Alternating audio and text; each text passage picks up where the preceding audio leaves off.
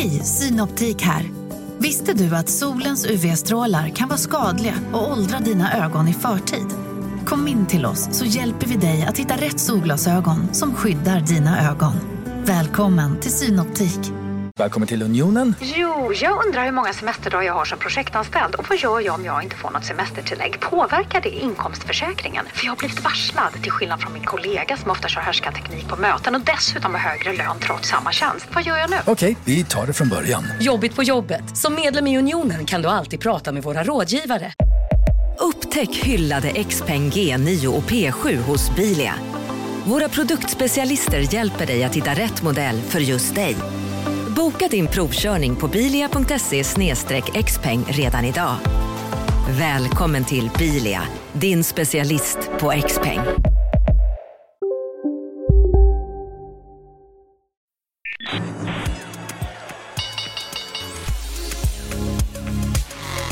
Det här är Affärsvärlden med Helene Rådstein. Hej och hjärtligt välkomna till podden Affärsvärlden där vi varje torsdag fördjupar oss i affärsvärldens journalistik. Jag heter Helene Rothstein och eh, jag är journalist på Affärsvärlden. Och nu sitter jag här med Günther Mårder och du är vd för Företagarna. Välkommen hit. Tack så mycket. Du har ju två egna företag kan man säga. Eller du har två stora engagemang. Ett som du grundade själv som heter? Kunskapsgruppen. Ja, och det andra stora? Lundqvist Trävaror. Har funnits sedan 1936 men jag är första externa ägaren utanför kretsen av familj. Mm. Och eh, om vi ska säga då, eh, Kunskapsgruppen som du grundade själv. Ja, vi är tre stycken medgrundare och jag har aldrig varit operativt engagerad utan styrelsens ordförande, bolagsrådgivaren och bolagsbyggaren vid sidan av utifrån styrelseperspektivet. Ja. Och sen två operativa krafter som har varit de drivande. Mm. Och eh, där har ni ett en rad liksom, praktiska utbildningar för folk som är verksamma inom till exempel om man är sjuksköterska eller om man jobbar som tjänsteman också. ja, mycket mellanchefer, ja. administratörer, 35 stycken utbildningstitlar, över 300 utbildningstillfällen per år i ett normalläge. jag kan säga att eh, den här krisen som vi just nu är inne i, den slår den slår som 17. Det är inte jättemånga som är sugna på att sätta sig i en utbildningslokal mitt in under de här smittotiderna och det är till och med så att eh, den här typen av, av utbildning har ju med det senaste beslutet från regeringen förbjudits. Är du fler än 50 deltagare så kan du inte genomföra det. Så eh, det är praktiskt omöjligt att, att genomföra. Mm. Och ni har en årsomsättning på typ 40 miljoner kronor var det förra året som ni drog in på de här olika utbildningarna och eventen. Mm. Ja. Och eh, nu så är 10 miljoner borta kan man säga. Vad det, det ser ut som? Det är vad vi befarar. Vi har fått flytta samtliga utbildningar i princip här under hela våren. Och eh, det är ett eh, massivt arbete. Sen gäller det att rädda kunder, försöka flytta dem till en hösttermin som vi inte heller vet någonting om. Vi har ingen aning om hur segdraget det här blir. Så att, eh, nej, I rollen som, som vd på Företagarna så får jag verkligen se både utifrån medlemmarnas perspektiv men också utifrån eget ägande i, i bolag och styrelseperspektivet hur hårt den här krisen just nu slår. Och i egenskap då som vd för Företagarna, vad, vad säger du? Det är en helt unik situation. Vi har ju aldrig tidigare sett att man till följd av politiska beslut har fått se marknaden helt försvinna närmast från en dag till en annan eller i vart fall från en vecka till en annan. Krisen slog ju inledningsvis väldigt hårt mot den här uppenbara sektorn om vi tar resor, hotell, restaurang, alla typer av transportlösningar. Men den här krisen har ganska snabbt fotplantat sig och vidgats till fler och fler sektorer. Ekonomin hänger ju samman. Det är ju en del i styrkan men också svagheten. Vi är inte isolerade enheter befriade från varandra. Så det är närmast som en, en ekonomisk pandemi som just nu breder ut sig och där alla vill rädda det som finns och börjar dra ner på kostnader. Och det enda resultatet av det här det blir att problemen blir ännu djupare för alla kringliggande bolag som man interagerar med. Så att det får självuppfyllande effekter. När vi själva tänker att det kan bli ännu värre, då agerar vi för att det kommer att bli ännu värre. Och sanna mina ord, då blir det ännu värre. Det är så mm. ekonomi funkar. Det blir självspelande piano. Mm. Eh, men vad kan man då... Eh, vi har sett eh, från statligt håll... Alltså Sverige sticker ju ut i världen här mm. för att vi får röra oss så pass fritt. Jag pratade med en finländsk journalist och han sa att i Finland är man väldigt irriterad. Liksom, vi, vi låser in oss själva här jättemycket. Och vårt, så har vi ett grannland där folk bara lallar runt som ingenting. Vad hjälper det att vi... Liksom att, eh, det, man betraktar Sverige nästan som osolidariskt mm. eh, i det här läget. Liksom. Vad håller ni på med? Ni, vad, vad spelar det för roll att vi sitter inlåsta när vårt, våra grannar knallar runt som ingenting här? Eh, vad, vad säger du? Gör Sverige rätt eller fel här? Ingen aning. Jag har stor respekt för eh, de här typen av politiska pajkastningar som det nu blir när olika länder agerar annorlunda. Eh, jag eh, varken kan eller, eller vill engagera mig i, i frågan om vi gör rätt eller inte. Jag kan tala utifrån det ekonomiska perspektivet och utifrån företagandet. Och då kan jag säga att det man presenterar från Eh, Eh, smitt, eh, eller från, från Folkhälsomyndigheten när det gäller smittskyddet. Ja, där pratar man om att platta till en kurva och man vill få det så utdraget som möjligt. Utifrån ett ekonomiskt perspektiv kan jag säga nej. Det är värsta tänkbara scenario. Om vi får ett utdraget scenario då kommer det här få effekter under en lång tid framöver. Med en, ett snabbt förlopp Eh, även om det blir dramatiskt och det innebär stora negativa inverkningar på kort sikt så är det mer ekonomiskt gynnsamt att bli av med oro snabbt. Och jag har stor respekt för att den där balansgången, var går gränsen? Och jag har lyft frågan lite i den offentliga debatten att man måste ha med alla perspektiven när man diskuterar den här frågan. Och inom styrningen av våra myndigheter så har vi redan idag rätt eh, jobbiga styrverktyg som korsar det moraliskt eh, riktiga. Om vi tar till exempel trafiksäkerhet där finns det klara instruktioner för hur mycket vi står beredda att lägga för att minska sannolikheten för ytterligare dödsfall i trafiken. Om det skulle gå att eh, undvika statistiskt eh, genom att till exempel bygga mitträcke på filer så kommer vi göra en kostnad för vad är det? Och där sitter man med eh, en kalkylerad kostnad för hur mycket vi står beredda att ta för att rädda potentiellt ett, ett liv. Samma sak finns inom sjukvården. Det finns även inom militären såklart. Man står inte beredd att lägga vilka pengar som helst för att rädda ett enskilt människoliv. Och jag förstår att man förefaller lätt cynisk och eh, lite unken människosyn när man ens lyfter de här diskussionerna. Men faktum är att det här förekommer redan idag. Det är ingenting nytt. Men nu blir det mer uppenbart eftersom det är så akut och det blir synligt vilka ekonomiska negativa effekter det här tenderar att leda till redan inledningsvis. Och jag vill också hävda att vi ser risker för långsiktiga effekter som kommer ha stor effekt på mänskligt liv och våra möjliga framtida livsstilar. Om vi skulle få ett dropp på BNP, och nu pratar de flesta om någonstans mellan 5 och 10 procent, om det här skulle dra ut några månader till. Ett 10% tapp i BNP innebär naturligtvis att eh, skatteintäkterna kommer sjunka dramatiskt. Man kan inte säga exakt 10% men ungefär lite grovhugget så sjunker intäkterna med 10% Samtidigt så kommer kostnaderna inte att minska. De kommer tvärtom att öka till följd av att än fler befinner sig utanför arbetskraften och istället måste försörja sig genom stöd. Det svarta hålet det ska täckas. Det här innebär att vi kommer behöva dra ner kraftigt på sjukvården. Vad får det för konsekvenser på samhället långsiktigt? Vi behöver dra ner på polisen. Vi kommer behöva dra ner på skolan. Vad får det här för effekter på folkhälsan, på mänskligt liv? Och vi har lättare att förhålla oss till det som är här och nu än att tänka på vad som komma skall. Men eh, jag tycker vi ska ha stor respekt för framtida generationer och deras möjliga liv. Och då måste vi vara ansvarsfulla och väga in alla perspektiv i det arbete som just nu pågår för att mota krisen. För man kan säga då, om man isolerar människor. Det är för att skydda den äldre befolkningen. Ja, eller riskgrupper. Ja, ja, ja, eller riskgrupper. Och män också. Många äldre män kan man ju, verkar mm. vad det verkar, rö, rökare också. Rökare, överviktiga, ja, ja. äldre äldre. Mm, exakt, äldre mm. äldre.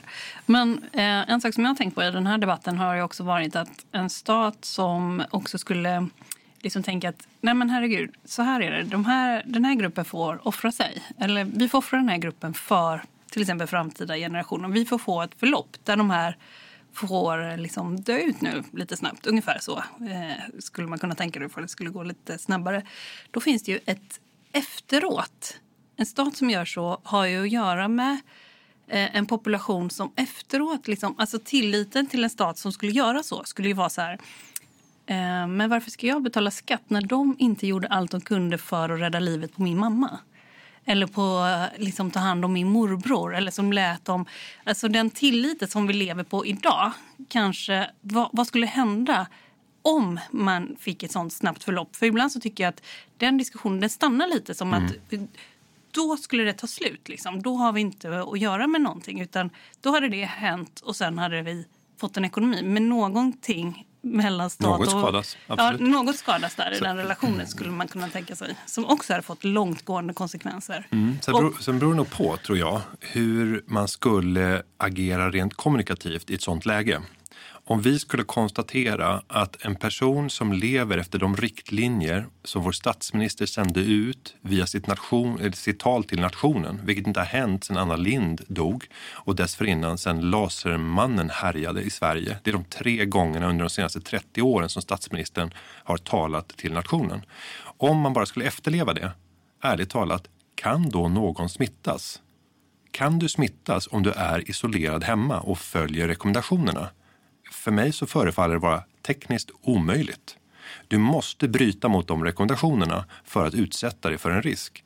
Skulle man då kunna tänka sig en annan typ av politik och nu är jag inne på områden som, som inte är min bas eh, och det är inte företagarnas offentliga ställningstagande utan snarare mina så privata resonemang.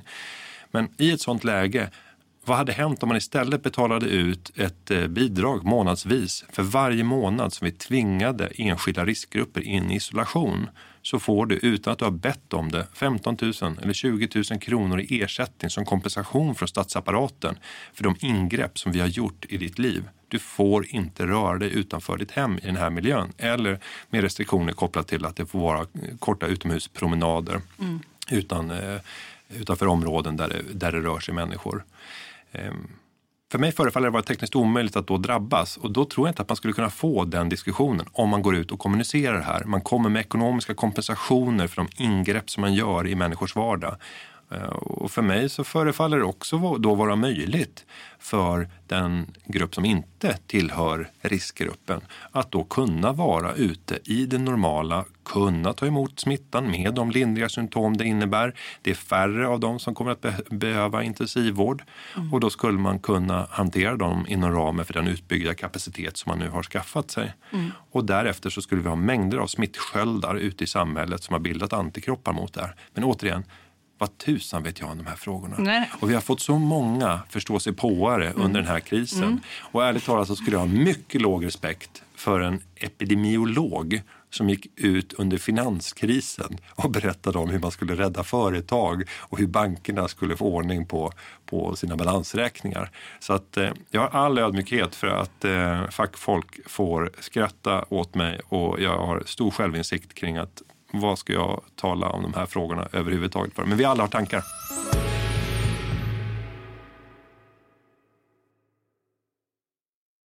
Marknaden sponsras av SPP, pensionsbolaget. Eh, förra gången pratade vi lite om ITP. Och som en kort repetition så, så var det ju 70-tal, arbetsmarknadens parter bestämde att alla tjänstemän ska ha en tjänstepension. Man kom överens om vilka villkor som ska gälla i den här pensionen och så kallade man den för ITP. Så jobbar man idag som tjänsteman i ett företag med kollektivavtal, då har man förmodligen den här pensionen, ITP-pensionen. Eh, och det är ju så att man kan påverka eh, den här pensionen, hur den är placerad. Vart femte år så gör nämligen Collectum, som de heter, en enorm upphandling där olika pensionsbolag kan ansöka om att få förvalta eh, de här pensionerna. Och SPP är ett av bolagen som valdes ut i den senaste upphandlingen. Och sen kan du som pensionssparare välja eh, vilket av de här olika pensionsbolagen som, som då ska få ta hand om dina pengar. Och tanken med den här upphandlingen är ju att liksom kvalitetssäkra de här olika alternativen eh, men också att förhandla fram stora rabatter så att pensionsspararna ska få ja, kunna spara pengar genom att avgifterna eh, som är så viktiga eh, blir eh, lägre. Och vill man välja någonting i ITP-systemet då finns det en relativt ny sajt som heter avtalat.se. Ehm, där kan man gå in och se hur sin ITP-pension är placerad. Jag gjorde det häromdagen faktiskt. Ehm, idén är att hälften av pengarna alltid ligger i något som kallas för traditionell försäkring. Det här gjorde vi ett avsnitt om i podden Kapitalet nyligen eh, som vi kallade världens bästa sparform. kan man lyssna på om man är intresserad. Eh, den andra halvan eh, den kan man också lägga i en traditionell försäkring eller så kan man placera det i något som kallas för fondförsäkring.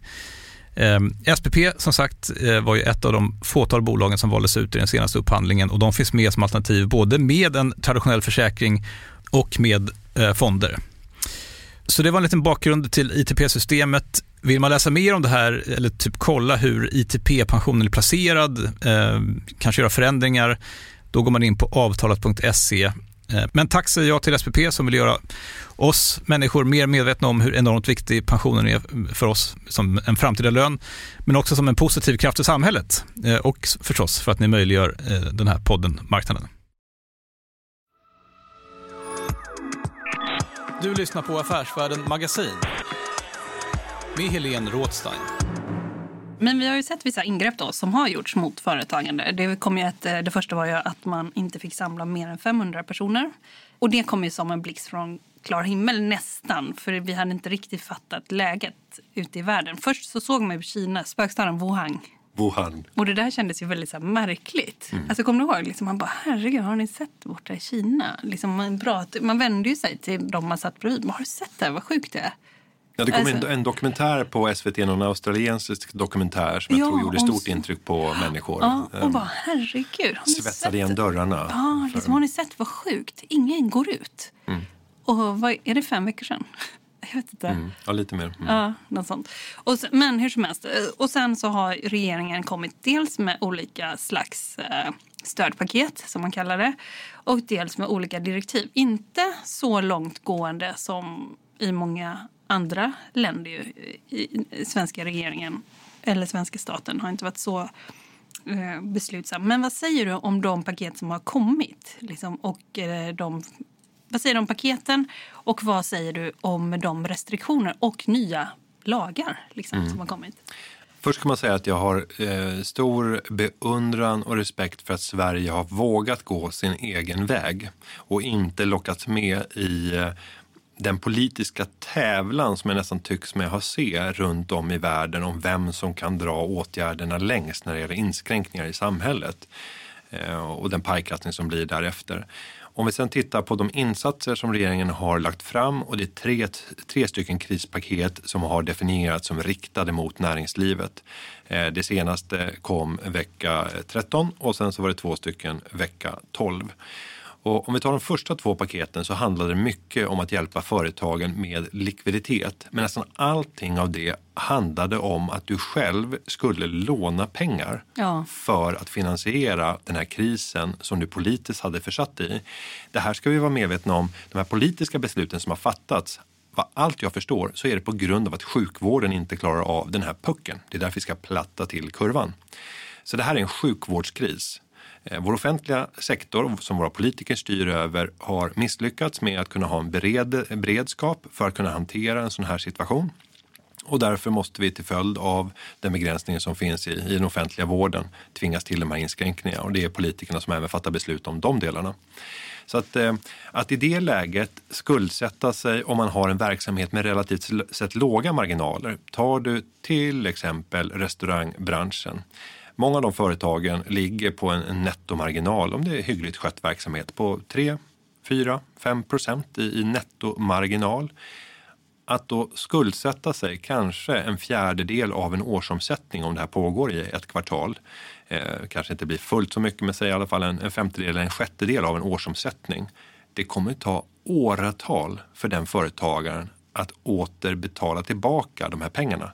Det kommer inte bli tal om att kunna ta ut någon, eh, någon, någon vidare lön under den perioden och blir det ett överskott så kommer allting gå till avbetalningar av skulder. Mm. I det läget... Som, som också är till, till staten, till Skatteverket och sådär till exempel? Ja. Absolut, och, och då man funderar på hur ser logiken ut för den företagaren som driver den typen av verksamhet?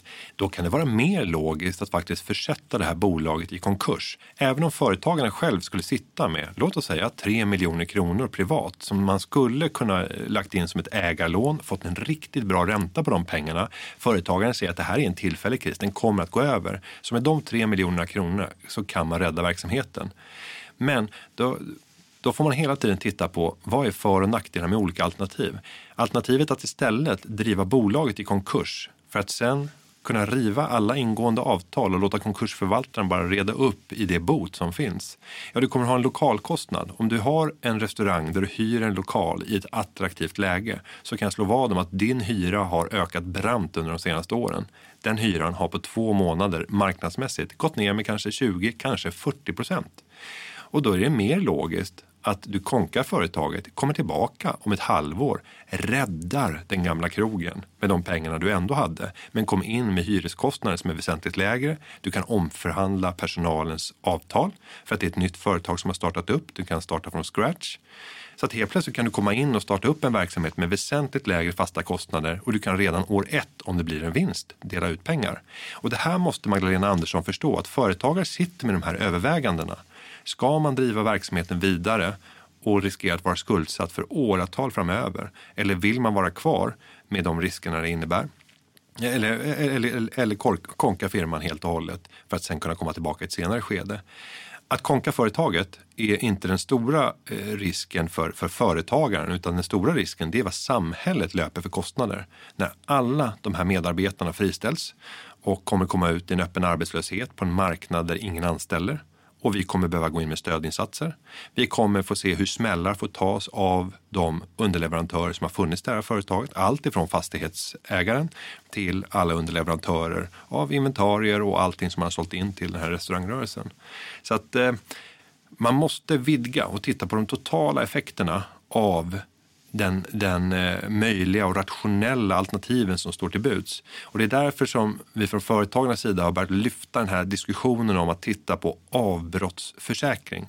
Försäkringsbolagen erbjuder, eh, eh alla, företag, alla försäkringsbolag som erbjuder företagsförsäkringar har normalt sett också en avbrottsförsäkring. Om du drabbas av ett avbrott i din verksamhet som inte är orsakat av dig själv, då går den försäkringen in och täcker dina fasta kostnader. Jag tror alla kan vara överens om att inget försäkringsbolag i världen vill betala ut en krona för mycket. Så de är rätt skickliga på att göra precisa modeller som gör att du bara behöver betala ut så mycket som gör att det här företaget kan klara sig. Det här borde staten ta intryck av och om Magdalena Andersson skulle se det här som ett möjligt verktyg att kunna från statens sida erbjuda en avbrottsförsäkring för alla de företag vars omsättning har tappats eller man har tappat 70-80 procent av sin omsättning. Då är det ett avbrott och det styrs av de politiska besluten, högst sannolikt. Och då gäller det bara att ha kvalifikationsgrunder för det här. Vi ska inte rädda företag som ändå befarade att gå omkull 2020 och 2021. Men vi ska rädda de företagen som hade en hygglig kreditvärdighet när man gick in i 2020. Som hade anställda och som hade en underliggande tillväxt eller i vart fall en stabil omsättning. Där har du kvalifikationsgrunderna för företag som vi från samhällets sida vill rädda. Och skulle man kunna gå in med ett stöd där på ett annat sätt än det man hittills har gjort. Krispaket 3, där lanserade man bland annat ett hyresbidrag. Där man sa att vi avsätter 5 miljarder kronor så att eh, du som företagare kan förhandla med din eh, fastighetsägare om att få sänkt hyra och staten kommer gå in och ta en del av den eh, hyressänkningen. Jag tror inte de fattade vilket krig som nu utbryter bland panikslagna företagare och fastighetsägare där ute. Mm. Den konfliktnivån har trappats upp mm. något djävulskt. Mm. Mm. Och det är inte vad vi behöver mitt i den här krisen. Alltså konflikter mellan de aktörer som ska interagera för att skapa affärer. De ja, men också på aggregerad nivå. Alltså Svensk Handel har varit ute. Och så. Alltså, det är ju... Ja, ja det, även i det, det storpolitiska. ja, mm. verkligen. Vad har ni fått för reaktioner när ni har sagt det här med avbrottsförsäkring från politiskt håll? Eh, jag hade möte med Magdalena Andersson så sent som i fredags och eh, hon eh, uttrycker nyfikenhet kring att titta närmare på det här. Min, mitt tips var att ta kontakt med de främsta inom försäkringsbranschen för att diskutera hur de lägger upp de här försäkringarna. för att jag tror att det går att ganska enkelt och snabbt utforma ett sånt här förslag och faktiskt kunna få rätt många företagare att inte överväga konkursinstrumentet som en väg ut ur den här krisen.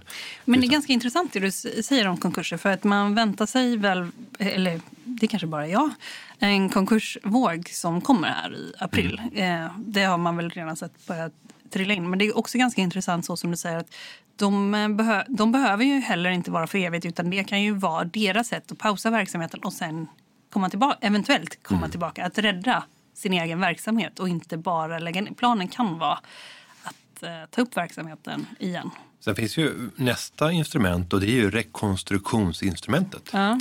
Och eh, utmaningen med det, det är att en vanlig företagare låter sig inte använda sig av det instrumentet för att det är för juridiskt komplicerat. Utan då måste du ha hjälp av skickliga affärsjurister. Och vänta, finns de där ute? Har de mycket eller lite att göra? På samma sätt som sjukvården så kommer vi nu få se en puckel som gör att det är omöjligt att hantera alla de juridiska frågor som måste redas ut. Ja, men det har också fått lite så medial dålig exponering med Saab och så. Alltså det har ju inte fått, eh, när man har hört ordet eh, rekonstruktion som i princip går ut på att man förhandlar mellan de som har skulder till eh, vad, vad, ska man säga, man fryser skulder. Ja, det, det man kan säga att man bygger en mur runt företaget Ja. som skyddar eh, bolaget ifrån att någon annan ansöker om konkurs Ja. för din räkning. Mm. Eh, för det är det vanligaste skälet till att man gör konkurs. Och sen får du möjlighet att förhandla för att visa upp en plan där det här företaget faktiskt kan överleva. Mm. Och det Som alla ska gå med på. Ja, och Mm. intressenterna har att förhålla sig till. Vill du se ett konkat bolag Mm. och få spillror eller vill du ha potentialen att kunna få tillbaka eh, inte det fulla värdet av, av de fordringar du har på det här bolaget, men i vart fall mera om det skulle vara så här att det här företaget har klarat det. Det mest kända exemplet på större företag som har gjort rekonstruktion och som är- konsumentnära, det är ju Teknikmagasinet. Sen åkte de på en smäll ändå till här ganska nyligen. Men de gjorde en rekonstruktion och lyckades ta sig ut från den och driva verksamheten vidare med en annan typ av inriktning än vad de hade tidigare. Ja, men, men då så menar du, här skulle vi behöva mycket mer förenk ett förenklat förfarande som snabbt kan komma på fötter till en rad företagare. Ja, här handlar det ju om att eh, kunna få en riktad insats mot de som verkligen behöver det. Om du tar arbetsgivaravgifterna så är det en bra insats att, att göra. Nu har man gjort en nedsättning. Man pratar om att man slopat arbetsgivaravgiften. Det hör man alltid från ministrarna. Men vänta nu, man har begränsat det vid 25 000 kronor i lön. Det är lägre än snittlönen i Sverige, kring 30 000.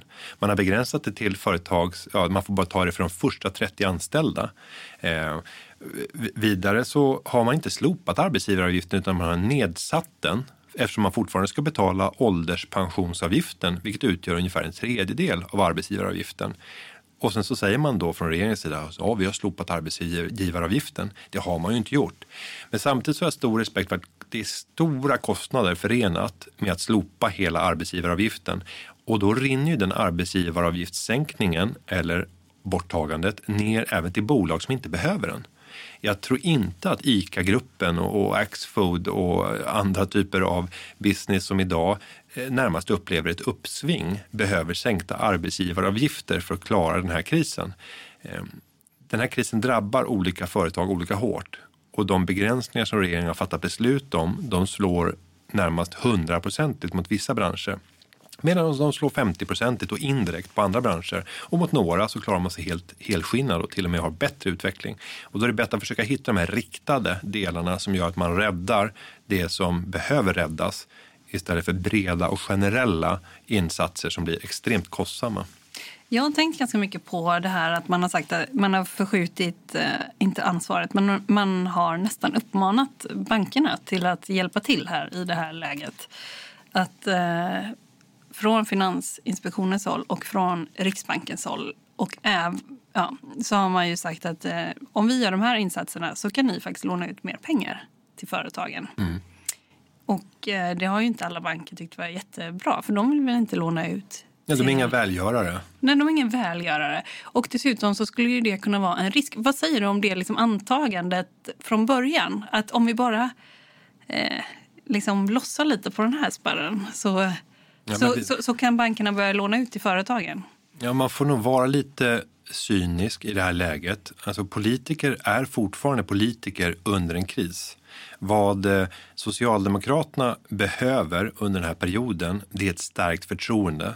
Det har varit rejält naggat i kanten. Man har varit nere på de lägsta siffrorna som man har uppmätt i den moderna tiden för socialdemokratin. Så de måste visa dådkraft. De måste genomföra saker där människor känner att ni är snabba, ni är resoluta och ni gör saker som jag lätt kan nicka instämmande åt. Och att säga att nu, är det dags för bankerna att ta ansvar. Och så ekar det fortfarande i huvudet hur staten räddade bankerna under finanskrisen. Nu är det dags för bankerna att hjälpa till att få samhället att flyta. Ni pratade om er själva som blodomloppet i samhället.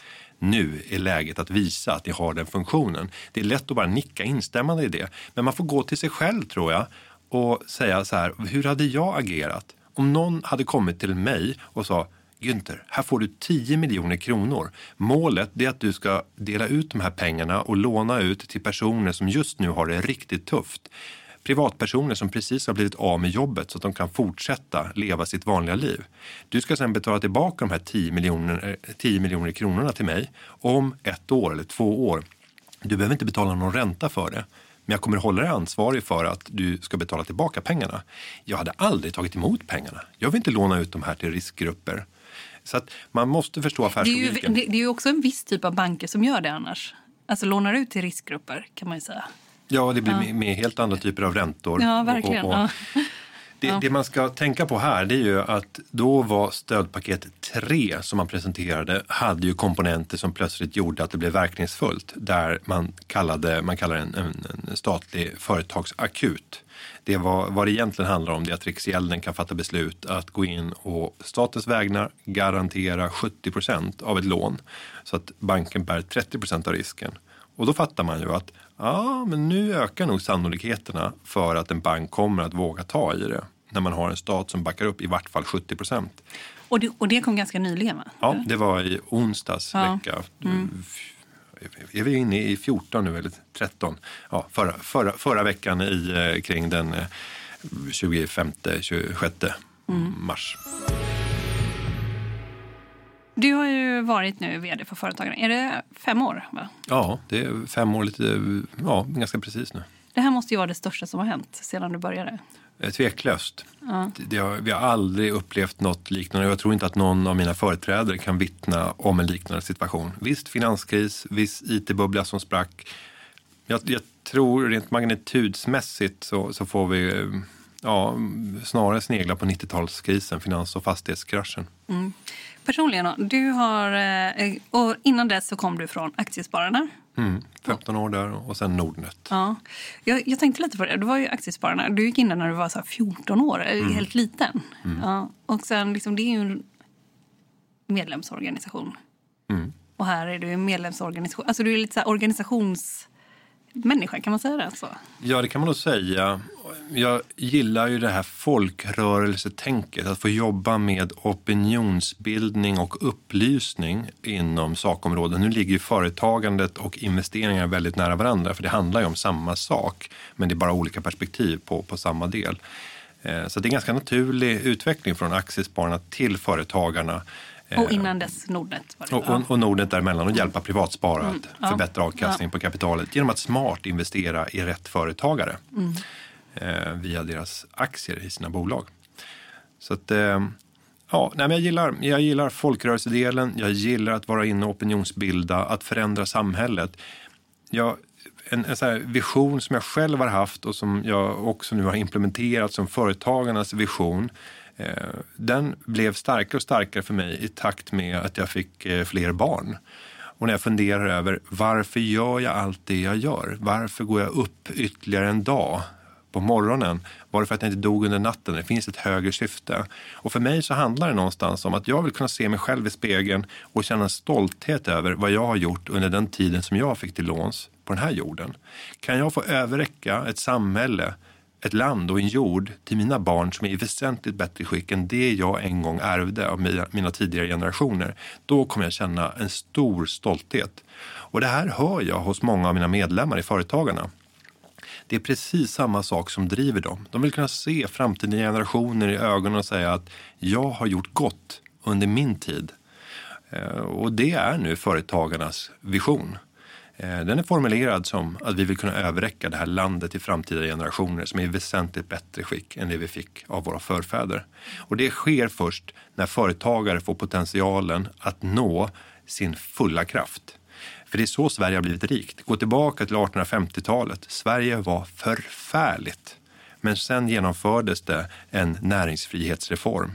Vi släppte lös en privat bankmarknad. Vi hade fri räntesättning. Vi ingick handelstraktat, eh, förstegen till frihandel. Vi byggde ut infrastruktur. Plötsligt kunde människor och kapital mötas i form av företag. Och staten kunde inte säga ja eller nej om det här företaget fick startas. Varje kvinna och man fick starta företag. Och vi startade en tillväxtresa från 1870 fram till 1970 som saknar motstycke. Det finns bara ett annat land som har haft en högre tillväxt under den hundraårsperioden och det är Japan.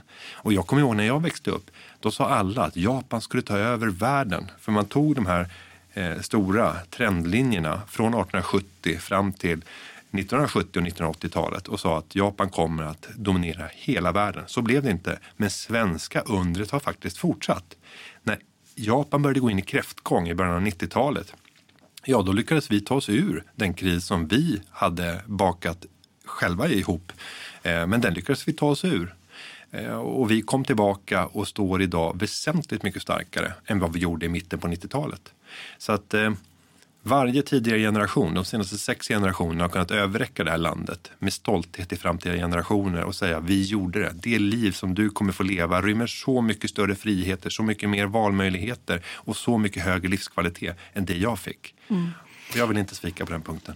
Det är ju ganska kul. Och sen har du då blivit mer, in, liksom, du har också se, liksom, med åren här blivit mer engagerad företagsmässigt. Alltså inte operativt som du sa. Från att bara vara passiv ägare på börsen. Ja. Eh, för då loggar man in på sin depå eh, och ser sina aktier. Man kanske går på årsstämman och man kanske har lite kontakt med någon styrelseledamot eller med vd. Eh, men inte mer än så.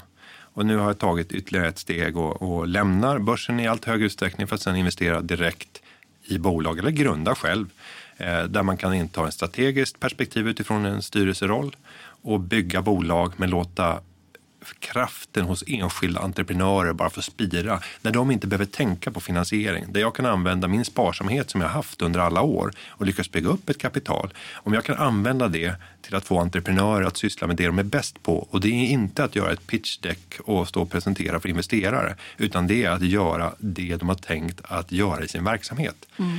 Då sparar det mängder av tid och man kan bygga fantastiska bolag. Du har ändå kvar din portfölj som man kan följa på Shareville via mm. Nordnet. Eh, och den har inte gått så jättebra nu på sistone. Det har varit bedrövligt. Ja. ja. Hur, hur, hur, känns det då? Alltså, mm. jag, har du koll på hur den har gått? För jag kollade i min telefon här.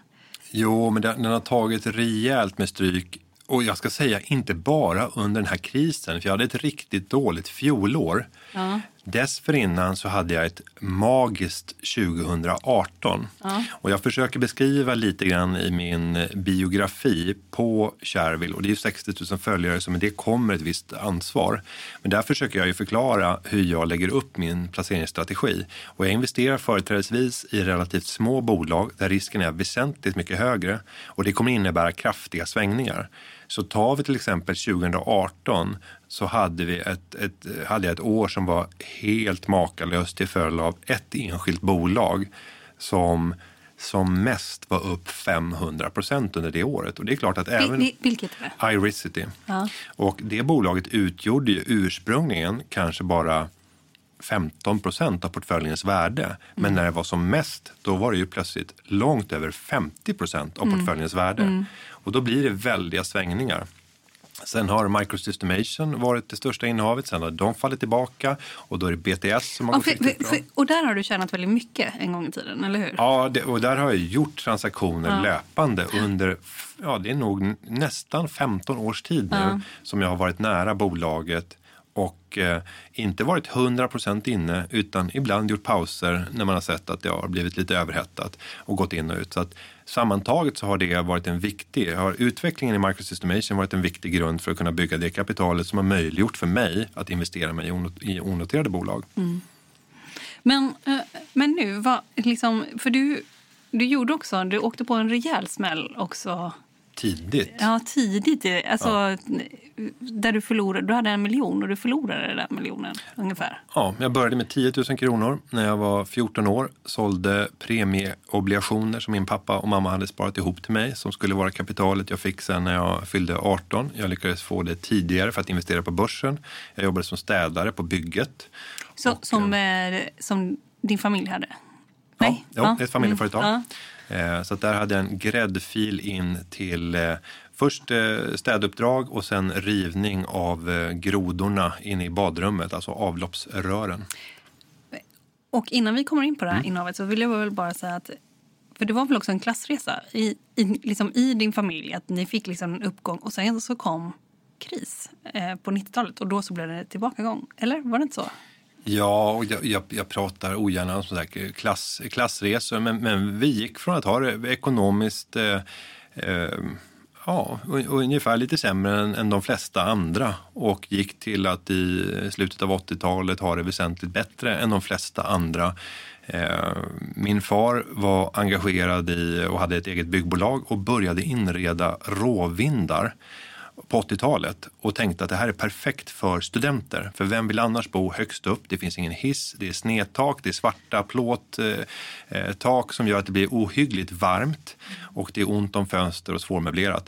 Så han tänkte studenter är den typiska målgruppen. Och sen var det yuppies som hade sett att det här var det trendigaste som fanns i New York. Man skulle ha studios. I min värld är det fortfarande trendigt, är det inte det? Jo, det är det ju. Ja, Eh, Men, men det var det inte då i mitten Nej. på 80-talet. Nej. Så han byggde ju de här anpassade för studenter och sen till slut så kom det yuppies och bara sa riv allt. Det ska vara öppen planlösning. Det ska vara ett stort rum.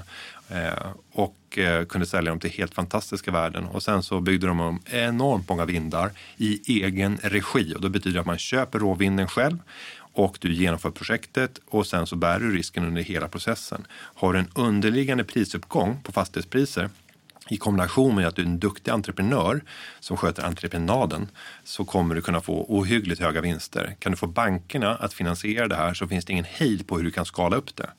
Och det fanns ju ingen, eh, det- fanns ingenting på himlen som kunde eh, antyda att det fanns något problem i den affärsmodellen. Men eh, den gick in i vägen i finans och fastighetskraschen som man säkert kan förstå i efterhand. Och därefter så började han agera annorlunda i bolaget. Idag är det min bror som har tagit över det, min lillebror. Det var tänkt att min storebror skulle ta över det, men han gick bort för 2006 i, i cancer. Så att, eh, och det har aldrig varit eh, tal om att jag ska ta över det företaget. Ehm, men nu har jag engagerat mig ändå inom byggbranschen men inom byggindustri. Så det Mm. känns... Eh, Men kanske inte så någon slump ändå kan man säga. nej, nej, det tror jag inte. Men, men, men vad jag tänkte var att eh, liksom när, man då, när allt tuffar på jättebra och sen så kommer en kris. Det har du också fått uppleva på nära håll kan man säga. Ganska tidigt också. Ja, det är klart. Och då, då ser man ju vad det får för konsekvenser. Eh, och det är klart att det var... Eh, det är något visst att se hur kriser slår och hur människor agerar för att rädda och vad som händer med människor när man kommer ut från en kris och med, med vilka nya värderingar man kommer ut på andra sidan. Eh, Krisen kan ofta vara välgörande, men det gör ju väldigt ont när man är mitt uppe i det. Vi människor är ju också vanemänniskor. Vi tenderar att lägga an oss vanor och plötsligt blir det som tidigare var lyx, det blir vardag. Och det kan gå väldigt fort. Vi kan lägga oss an med ett nytt beteende som vi inledningsvis finner en stor tillfredsställelse i för att bara tre veckor senare, om vi återupprepar det här lyxiga som vi tyckte inledningsvis, så har det blivit en del i vår naturliga vardag. Och det är det som gör att det är så lätt att skala upp ekonomi och bygga upp förväntningar tills vi till slut når en gräns där det kommer att krascha. Men vi vänjer oss också vid de här krislägena. Och de här, det här är ditt första sparkapital Mm. som du investerade upp till en miljon. Va, Vad hände? Jag, jag investerade allting. Jag, jag la en strategi som hette 25-25. När jag är 25 år ska jag ha 25 miljoner. Börjar man med 10 000 kronor när man är 14 år och jobbar som städare på en byggarbetsplats så förstår man att ska man lyckas med det då måste man ta ohyggliga risker. Eh, vilket jag också gjorde. Så strategin var helt rätt givet det helt galna målet som jag hade. Så 25-25 blev inte eh, sanning utan det blev istället noll ja, kring 17-18. Eh, de där pengarna hade vuxit rätt bra och när jag loggade in på kontot när jag var 17 år så hade det passerat en miljon kronor i, i eget kapital. Exponeringen var ju ännu högre än så till följd av att det fanns belåning i portföljen och jag hade investerat allt i ett bolag som tillverkade automatiska tankrobotar. Mm. Och jag tror inte att Som det man använder Ja, det är inte många som har tankat sin bil i en tankrobot, men det fanns faktiskt möjligheten i Stockholm att göra det. I Jag hade älskat det. Ja, i telefonplan och i Mörby. Ja. Där fanns AF 320. Mm. Eh, Det var den först, eller en, en av versionerna som Autofil släppte. Sen kom AF 2000, den nya versionen som skulle revolutionera marknaden. Så hette ju allt med framtiden Ja, tidigare. 2000. 2000. Ja. Så att, eh, ja, det var ett jätteknasigt mål som jag hade och till följd av det knasiga målet så blev det en strategi som eh, var förenat med ohyggliga risker. Så medskicket är så här, sätt mål som är rimliga så att du inte behöver lägga en knasig strategi för att nå dem. Du lyssnar på Affärsvärlden med Helene Rådstein. Eh, marknaden sponsras av Karla. Eh, vi pratar ju en hel del om bilar här- på kontoret. Eh, Karla har ju skapat, skulle jag säga, det som är standarden för hur man idag köper och säljer bilar på nätet. Kort bakgrund bara. Karla säljer och leasar begagnade elbilar och laddhybrider på karla.se. Alltså en helt digital upplevelse. Och man har gjort det här med ett nästan maniskt fokus på vad en bilköpare faktiskt behöver. Jag gjorde ju en intervju med en av grundarna, Patrik Illerstig, i marknaden här eh, ganska nyligen, eh, daterad 25 mars, om man vill lyssna på den. Eh, men där berättar han hur de kom in i det här lite från vänster för att försöka uppfinna hela den här liksom bilköpupplevelsen från början. Och de har idag, vilket är rätt otroligt, 4,8 i betyg eh, på Trustpilot. Jag, jag har sett många företagssidor på Trustpilot, men det här är nog bland eh, det bästa jag någonsin sett eh, faktiskt. Man kan sälja bilen till Karla också. Eh, då går man in på karla.se, delar lite info om bilen, sen får man en gratis värdering och ett bud. De hämtar bilen helt gratis i hela Sverige och så har man pengarna på kontot i samma stund som de hämtar bilen. Det är grymt. Eh, så ska du köpa en ny bil eller sälja din gamla, eller båda delar för den delen, gå in på karla.se och eh, kolla. Alltså karla.se och Karla stavas med C. Tack så mycket till Karla. Vad tror du att företaget Sverige, liksom, de risker som man har tagit in och som det, man måste ibland ta ju när man ska starta företag och driva företag. Det kräver ju risk. Eh, vad tror du man, att eh, vi får för konsekvenser vad gäller risktagande bland företagare och på börsen efter den här krisen? Vad tror du? Det sjunker alltid direkt efter en kris. Eh, vi kommer få helt andra typer av beteenden. Vi kommer också få se företagare som gör mer och mer för att slippa arbeta beroende av människor. Eh, den här krisen visar vilken risk det finns när du låter människor göra saker som maskiner faktiskt kan göra, även om det råkar vara mycket dyrare att köpa in automatiserad utrustning eller robotar för att göra det. Men man förstår också värdet i att inte behöva ha en människa anställd. Så jag tror att den strukturomvandling som vi har varit inne i under de senaste 20 åren, där vi har sett allt mer av automatisering, robotisering och digitalisering, den kommer påskyndas än snabbare eller än mer. Och det kommer att göra att skattesystemet utmanas. Vi kommer inte om tio år, tror jag, att se på inkomst av tjänst som den avgörande basen för våra offentliga finanser när det gäller skatteintäkter. Eh, vi kommer behöva hitta andra typer av utformningar för att få in eller lägga nya skattebaser. För att det är inte effektivt i ett samhälle där man gör allt som går för att slippa anställa för att utsätta sig för de riskerna det innebär. Både vid epidemi men också när det gäller Eh, vardagliga saker som eh, korttidsfrånvaro och när det gäller personalproblem som man stö, stöter på, när det gäller det utökade ansvaret för arbetsgivaren, när det gäller arbetsmiljö och de arbetsrättsliga dimensionerna. Ju mer krav och ju mer regleringar vi lägger på, desto snabbare eh, påskyndar vi den här strukturomvandlingen. Så allt som går att göras av en robot, en dator eller en maskin kommer i hög utsträckning framöver att göras av det.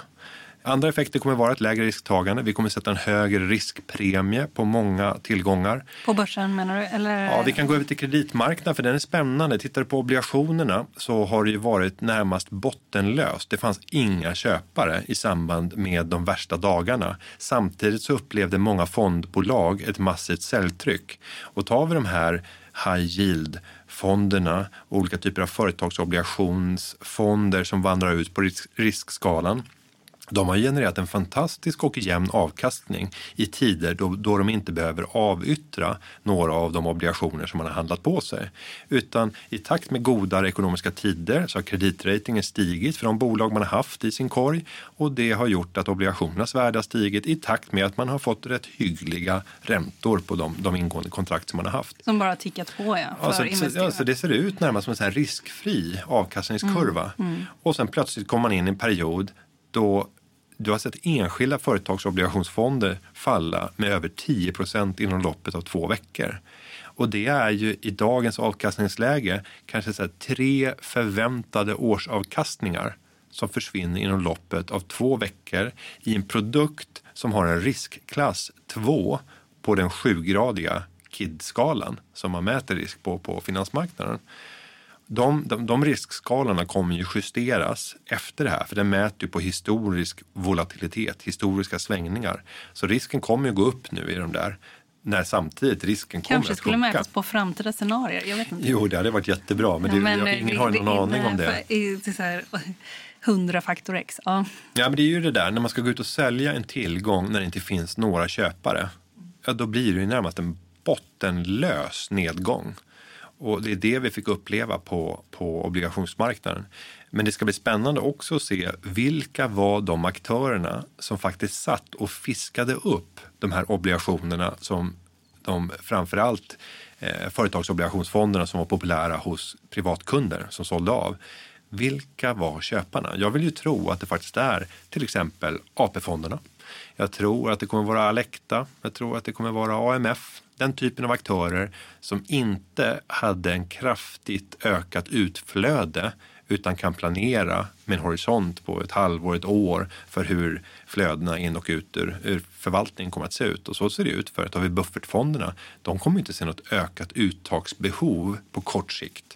Och därför kan de agera på ett helt annat sätt. Så jag tror att vi kommer få se stora vinnare bland de här långsiktiga institutionella förvaltarna som har kunnat plocka upp de här obligationerna till rena struntpriser, vilket innebär en avkastning eh, när vi tittar på den kupongen som man får i termer av ränta som, som kommer vara eh, oproportionerlig i förhållande till, till eh, konkursrisken i de berörda företagen. Men man kommer lägga på ytterligare en riskpremie. Det som också kommer hända på aktiemarknaden och, och på kreditmarknaden det är ju en tilltagande nervositet så fort vi hör någonting om något virus. Eh, vi kommer att kunna få se en panikvåg eh, skölja över finansmarknaderna vid minsta hosta i eh, Wuhan eller någon annanstans i världen. För man kommer att skala ut och se vad kan det här potentiellt innebära. Och många av de här epidemierna som inte har blivit pandemier, eh, de eh, har ju inte haft någon stor påverkan. Om vi tar svininfluensans påverkan på Italien under flera år. Ja, den fick ju inte någon stor följdverkning på de internationella kapitalmarknaderna. Men hade det inträffat nu, då 17 så hade du fått se dramatiska nedgångar innan det ens hade hänt någonting i den reala ekonomin. Så att, eh, ja, en tilltagande försiktighet, minskad risk. Men sen ska vi vara ärliga och säga att det mesta brukar gå tillbaka och bli som det var innan. Och vi kommer glömma bort att vi har haft kriser tidigare. Och så kommer vi gå in i en ny kris som är utlöst av någonting annat. Det är så ekonomi funkar. Faktiskt. Alltså, eh, se, men, men om tio år kanske. Ja, och så kommer vi säga att nästa kris den är helt unik. Vi har aldrig upplevt någonting liknande. Alltså det ingår lite grann i liturgin att det ska vara på det här sättet. Ja. Men vi har aldrig upplevt något Nej, liknande. varje kris är ju unik. Ja. Precis som att vi kan säga att varje uppgång är unik. Eh, Och vissa uppgångar har ju faktiskt fått liksom tydliga epitet. Om vi tar liksom IT-bubblan. Och sen kan vi gå tillbaka till uppbyggnaden efter IT-bubblan. Då kom superkonjunkturen. Ehm, och, och där man också pratade om, om jobless growth. Att vi hade en underliggande stark tillväxt i ekonomin utan att vi fick bukt med arbetslösheten. Sen eh, kan vi väl kalla den här senaste uppgången för eh, någon typ av dopningseffekt, alltså en penningpolitiskt styrd värdetillväxt i eh, alla typer av tillgångar. För det är klart, Mm. dämpar man räntorna på det sättet som vi har gjort Mm. från finanskrisen fram till idag och skjuter in så mycket penningpolitiska stimulanser det ska ju teoretiskt göra underverk för tillgångspriser. Mm. Vilket det också har gjort på fastighetssidan och på aktier och, och andra tillgångar. Mm. Ja, ja, ja konstgjord eh, andning på något sätt. Mm, en Ja. penningpolitisk bubbla. Ja. Och den här kraschen, vad skulle du döpa den till då? Det är ju en pandemikrasch. Alltså vi kommer ju se tillbaka på the corona crash. Ja. Eh, likna. Där har vi ordet kanske. Ja, eller som, som Trump eh, hela tiden nu tycker, the China virus. Eh, han försöker skjuta över. Han är otroligt... eh, Jag tycker det är imponerande att se hur mycket han klarar att överleva. Eller teflonet och hur det bara rinner av. Hur han ena veckan kan bara sitta och säga Wouldn't it be beautiful to see on Easter the churches be full of people. Tror du vi får se det? Alltså, Nej, nej, nej. nej men, men, men saken är, det, jag, jag tycker ibland, eh, man är ju mitt i det här Mm. ju. Alltså, vi, vi hälsar ju på armbågarna så här, när vi sågs där ute. Och Eh, sitter på behörigt avstånd. Ja, här. ja, men kan, ja, typ. Ja, men en och en halv meter. Ja, något sånt. Men, eh, eh, men jag tycker också att det är nästan som psykologisk thriller lite grann. Speciellt sådana där utspel som kan vara så här, ja men eh, till påsk, då är alla i kyrkorna. Så tänker man, tänk om folk faktiskt går. Tänk om alla är så jättesjuka och bara går till kyrkorna. Och så där. Ja, ja, det, är liksom, det blir väldigt intressant att, att se vad som händer. Ja, och på, på samma snabba sätt som vi gick in i den här krisen så finns fortfarande möjligheten att gå ur den. Eh, De här domedagsscenarierna som jag och många andra presenterar som innebär en massarbetslöshet och någonting som kan närmast liknas vid en depression. Det behöver inte alls bli fallet om det här relativt snabbt blåses över Ja. när det gäller inskränkningarna. Så, så är vi ute ur det här inom några veckor så tror jag att ekonomin ganska snabbt kan repa sig. Men ser vi ett utdraget förlopp där vi kommer tillbaka och får se hur vi har en hel sommar och kanske inledning av hösten där den här typen av inskränkningar fortsätter, då kommer det bli dramatiskt. Jag säger tack till dig, Günther Mårder, vd för Företagarna, för att du var med i podden Affärsvärlden. Tack. Du har lyssnat på podden Affärsvärlden som utkommer varje torsdag. Mer fördjupande journalistik hittar du varje timme, varje halvtimme, nästan varje kvart på affärsvärlden.se. Och sen så går det också förstås att prenumerera på tidningen Affärsvärlden. Alla dessa uppgifter finns på affärsvärlden.se. Och podden, den är tillbaka om en vecka. Håll ut!